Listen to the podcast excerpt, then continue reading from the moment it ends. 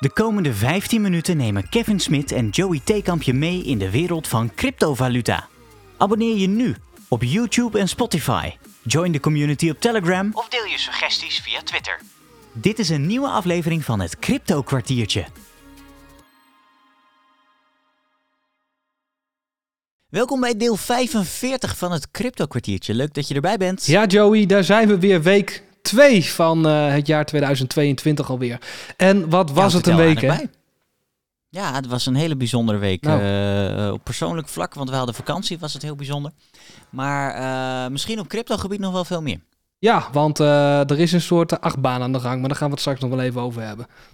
Ja, eh, de we hebben deze aflevering getiteld Hoogmoed komt voor de val. En die is eh, eh, ingegeven niet vanuit de, de Baron 1898 in de Efteling. Maar vanuit het feit dat, dat Sega wat hoogmoed laat zien. Mhm. Maar dat er vervolgens op de, op de koersbeur, op de, de, hoe zeg je dat, de, de, de, de, de, koersen, de beurskoersen, wat, wat val vertoond wordt. Eh, laten we beginnen met Sega. Eh, dat ken jij, want jij bent een echte gamer. Nou, echt wel. Hey, Sega, ja. Wie kent het niet? Eh, ik denk dat de oude generatie die luistert het nog wel kent van Dreamcast. Zo'n zo'n console was dat jaren geleden. En ik denk ook dat de nieuwe generatie het wel kent van een aantal games, zoals Sonic. Maar ook de Resident Evil franchise hebben zij inmiddels als publisher in hun eh, portefeuille. Dus dat is wel een grote jongen in principe. Ooit gestart in Honolulu hebben we net bekeken. En het zit nu in, eh, in Japan ergens. eh, waar weet ik niet precies, maar... Ota, geloof ik. Utah, dat is ook Amerika. Hè? Dat is een Nee, eh, oh, Utah. nou ja, goed. Ota. Ja, Nee, ja, Sonic ken ik zeker. Dat was dat stomme hondje. Of wat is het? Wat Een Nee. hedgehog. Wat is een hedgehog? het was niet echt een hondje. Het was een beetje een eh, woestijnrat Hedgehog. of zo, maar dan met blauwe haren. Hedgehog. Wat is een hedgehog? Weet ik niet. Dat, de Sonic is een hedgehog. Ik weet niet wat het is. Geen idee. Laat het ons weten in de telegram. Raar poppetje in ieder geval.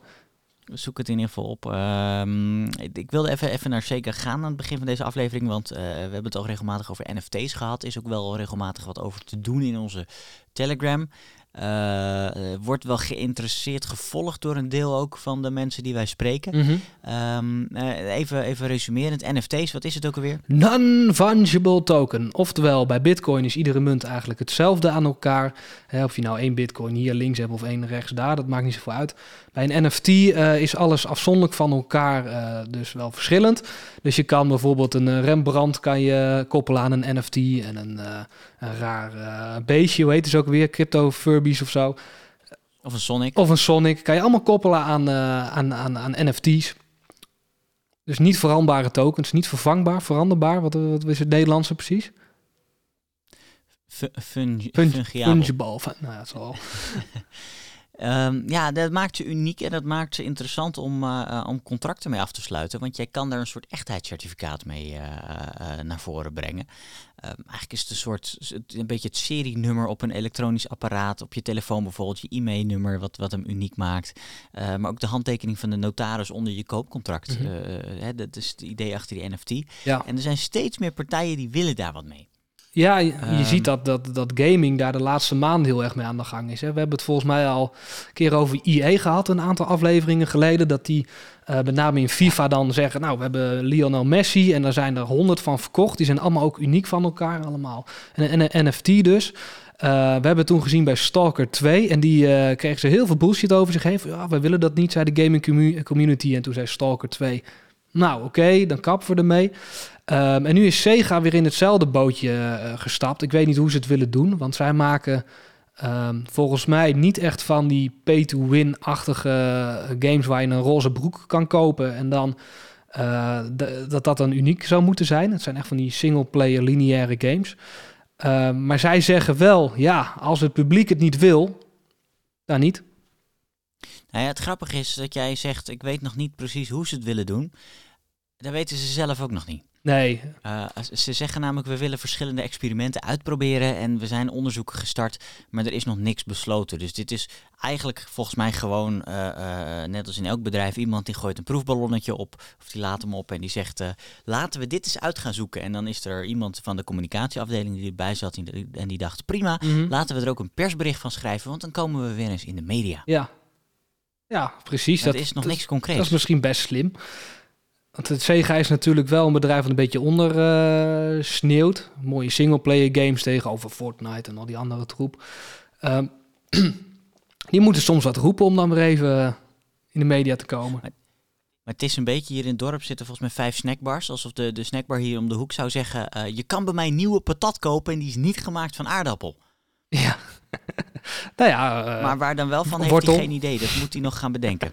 Ja, de- hij moet nog bedenken waar die patat van is. Ja. Of het überhaupt kan, of het aanslaat, of het uit kan. En de, die status zit eh Sega ook een beetje. ja, die hebben gewoon een hype term gehoord en gezegd, nou hup, in, in het marketingboekje ermee en eh, we maken er wat leuks van. Zoiets. Volgens mij wel. Wat ik, wat ik wel het mooie vind aan, aan hun instelling, Mhm. is dat ze dus wel zeggen, eh, los van eh, of het lukt of niet en of het aanslaat of niet, als het uiteindelijk wordt gezien als een makkelijke manier van geld verdienen, moeten we het misschien niet doen. Oké. Ja, dat, dat vind ik niet echt matchen. Als jij een bedrijf hebt eh, die, die zo groot is als, als Sega, want het is best wel een groot gamingbedrijf, die willen gewoon geld verdienen. En eh dan gaat het Ja, ze echt niet om... Nee, maar zij willen geld verdienen. Ja. Maar eh, de, de gebruiker, je hebt natuurlijk wel kernwaarden als bedrijf. En je Mm. wil een doel nastreven. Kijk, als jij als, als gamefabrikant merkt dat de, de, eh, de, de zelftesten aanslaan, dan ga je als gamefabrikant niet ineens zelf testen in een gamehoesje verkopen. Omdat het geld oplevert. Even uh, gechargeerd. ja, Frikandellen, omdat frikandellen lopen goed, mensen willen frikandellen, dus wij gaan als gamefabrikant frikandellen Ja. verkopen. Nee, hou je bij je leest. En dat doen zij wel, zij zeggen als, als ze iets toevoegen voor het spel, dan gaan we er wat mee doen. Maar als het puur en alleen wordt gezien door onze klanten als, eh, oh dit is leuk, dit kunnen we snel verhandelen en geld verdienen, dan, dan is dit niet wat past binnen onze filosofie. Nee, nou ja, daar, ja, daar kan ik ook wel inkomen. Eh ik denk dat het neerkomt op, op vier zinnen geleden dat je zei van eh, het is zo'n marketing dingetje van nou we komen weer even in het daglicht. Eh, ik denk niet dat het positief is per se, maar ja, ze, ze hebben weer even aandacht. Mijn advies richting gamingbedrijven is doe het niet, want ik zie nog niet echt eh, toevoegingen daarin. Je mag geen advies geven. Ja, wel aan gamingbedrijven, het is niet financieel, het is gewoon...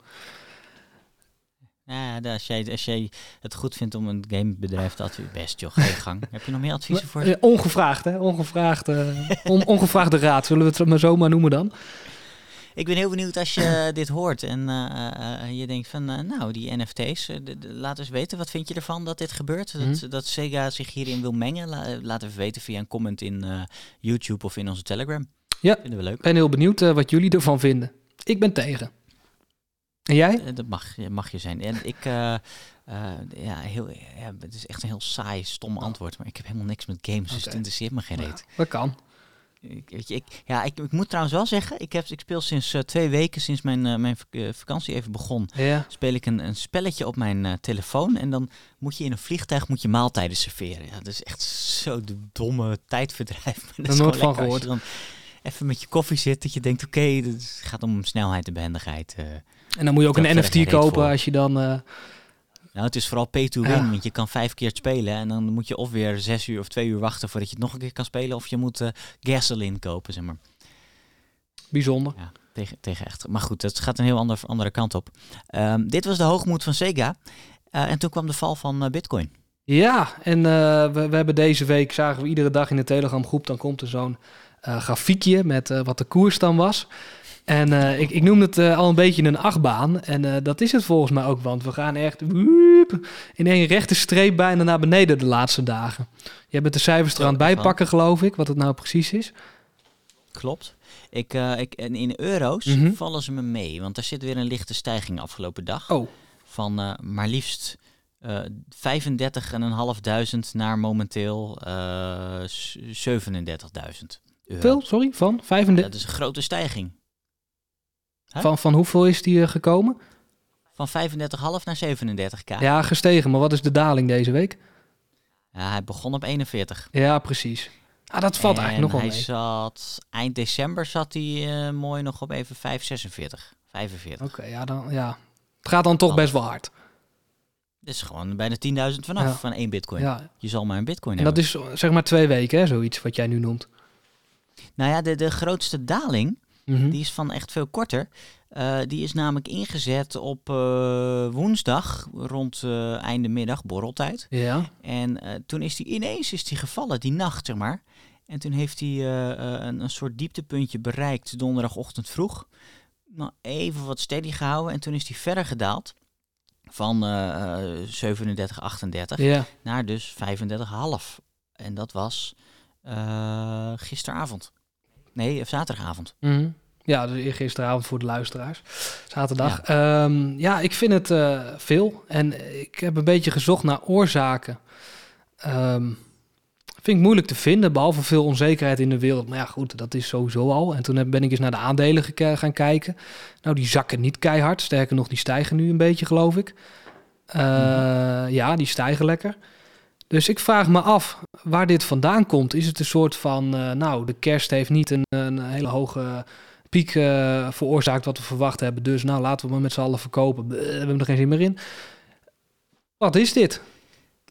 Ja, ik, ik kwam via eh, eh, een, een Belgische nieuwssite, Business AM. Ik kende de site niet, maar het ziet er wel betrouwbaar uit. kwam ik een artikeltje tegen waarin zij het linken aan het laatste nieuws van de Fed, de Amerikaanse centrale bank. Ja, Die schijnen notulen te hebben uitgegeven waarin niet letterlijk staat, maar waarin wordt gehint dat ze eh, over niet al te lange renteverhoging willen toepassen. dus... Ja, maar goed, eh, waarom zou dat wel eh, invloed hebben op, op crypto en niet op andere, alle andere aandelen en dat soort dingen? Ja, dat is dus het lastige. Eh, dat zou ook invloed moeten hebben op eh, eh, andere aandelenbeurzen. Ja, en, en flink dan ook. Of flink, maar zo, op crypto heeft het natuurlijk een heel, heel groot invloed. We hebben het vorige keer ook over die spreiding van leeftijden gehad. En dat het dan misschien jongere doelgroepen wat sneller verkopen dan oudere doelgroepen, wat meer handelen. Ehm, Maar dan nog zou je moeten zeggen, die aandelenmarkt, die moet een soort van tikje krijgen. Ja, en, en die tik die valt dus tegen. Er zit een tikje in hoor, Ja. aan het einde van de afgelopen eh, handelsweek. Eh, de Dow Jones die ging bijvoorbeeld van 16.250 terug naar ongeveer 16.000. Maar dat is een heel klein tikje. Ja. Als je hem over het, eh, het afgelopen jaar bekijkt, dan zie je hem niet terug. Ja, precies. Zo is het ook. Want eh, dat zei ik in die telegram ook. Van, oh, het is een beetje slechte tijd. En toen ging je year over year kijken. Jaar over jaar. Dan valt het wel weer mee. Vorig jaar zaten we rond deze tijd denk ik op 20, zeiden we vorige week. Zoiets. Vorig jaar vergelijken is lastig, hè? Want dan is, is, is eh, eind november, begin december is er een poolrun gestart. Mhm. Tot eh, eh, eind januari, zeg maar, tot het moment dat ik instapte. Ja, En dan ben je net te laat. Fear of missing out, laten we het daarop houden. ja. Maar toen is, is in, de, in de zomer wel een dikke boel geweest. Dan ben je ook, Ja, in de zomer nog weer. zou ook wel een keer twee kunnen gaan. Oh, jawel, jawel. Maar als je het vergelijkt met, met hetzelfde punt vorig jaar, dan zit je niet heel veel hoger.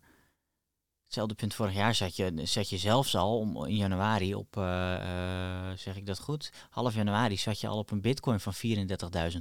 Ja, precies. En je zit nu op een bitcoin van eh 42.000. Nog steeds op jaarbasis een mooie stijging. Maar het is even de vraag, gaan we nog doorstijgen? Als je het jaar kijkt, dan zie je eh, van het voorjaar een hele hoge piek en toen kwamen we weer terug bij af. Mhm. En toen zag je in het najaar, eh, eh, augustus, september, oktober, november weer een hoge piek. En nu zijn we ook weer terug bij af. Ja, misschien krijg je ook zo'n zo'n kruising op een gegeven moment. Hè? Dat je dan zeg maar ehm, de, de koers van vorig jaar over, overschrijdt in de, in de negatieve zin, zeg maar. Ja. Dat zou kunnen. Zou wel vervelend zijn, maar het kan. Wat je in ieder geval ziet bij zo'n koersdaling is dat er, ehm, eh, eh, als die koers een beetje daalt, dan gaat die daling steeds harder. En, en daar wordt heel veel over gepraat, ook in onze Telegram. Mhm. Ehm, er zijn heel veel eh, beleggers of, of investeerders, noem het hoe je wil, eh, die bitcoin bezitten, die andere crypto bezitten. Eh, eh, ook wel grote partijen, de zogenaamde whales, die hebben eh stop losses ingesteld. Die hebben bepaalde bedragen ingesteld en als die koers daaronder komt, dan gaat hun account automatisch verkopen. Om te voorkomen dat ze een en al ellende, eh, alles kwijt zijn. Ja, precies. Dat, dat, dat had het toen met dat GameStop gebeuren toch ook telkens die levels die dan gebroken werden. Zeg maar, maar dan in de aandelenmarkt. Ja. Ja, Een beetje en dat dan, idee. dan gaat ineens weer een partij verkopen en dan heb je dus heb je, dan heb je nog meer ellende, want dan zakt die koers nog verder. Ja, ja. Nou, dat is misschien nu een beetje gaande. Alleen was bij GameStop natuurlijk andersom zo, denk ik. Eh, Nee, dat had weer, ja, ja, vaag misschien. Het is geen goede vergelijking eh, die ik maak. Nee, want het had weer te maken met opties. Ja, precies. En dit is gewoon verkopen op de koers. Mhm. Ja, ik hoop, Het, eh, ik hoop voor iedereen dat het mee gaat vallen. Ehm, En dat we niet in zo'n bear market komen. Want je hebt ook zo'n zo'n zo'n index, de, de bear en eh, bullish index noem ik het even. Hij heet anders. Fear and greed. Fear and Greed. En die, eh, ik las dat toevallig op Twitter gisteren. Die staat nu eh, op een bijna historisch laag niveau weer. Die hebben Eh, dat ik heb hem er even bijgepakt voor je. Hij Kijk. staat nu op 23. En hij stond op vorige week. En dan gisteren stond hij op 10. Dat bedoel ik. 10. Schaal van, van 0 tot 100. Ja, dat was niet best. Niet heel goed. en dat was inderdaad echt op, een, eh, op, op, op jaarbasis volgens mij het, eh, het laagste niveau. Hij heeft een paar keer afgelopen jaar op 10 gestaan, maar niet lager. Ja, bizar toch?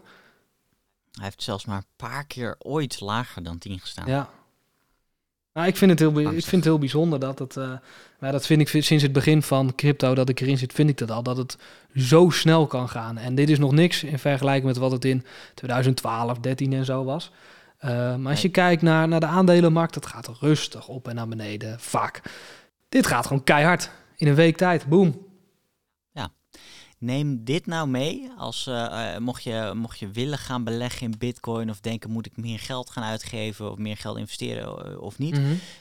Neem dit soort koersschommelingen daar ook even in mee. En kijk goed naar wat het risico kan zijn. Dat je dus in een hele mooie stijgende lijn zit en dat je ineens uit die stijging bent en gewoon in een diep dal raakt.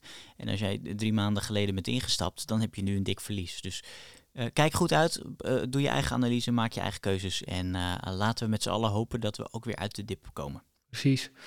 Ik denk dat dit het einde is, of niet, Joey? Want jij eh rondt zo mooi af met zo'n zuchtje altijd. Vind ik leuk. Zo, ah. Goed aangevoeld. ja, dat voel ik. De spanning is er De weer af. spanning is eruit.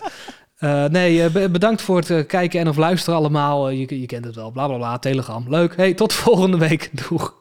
Wil je meer crypto kwartiertjes horen? Abonneer je nu op YouTube en Spotify. Join de community op Telegram of deel je suggesties via Twitter. Bedankt voor het luisteren en tot het volgende crypto kwartiertje.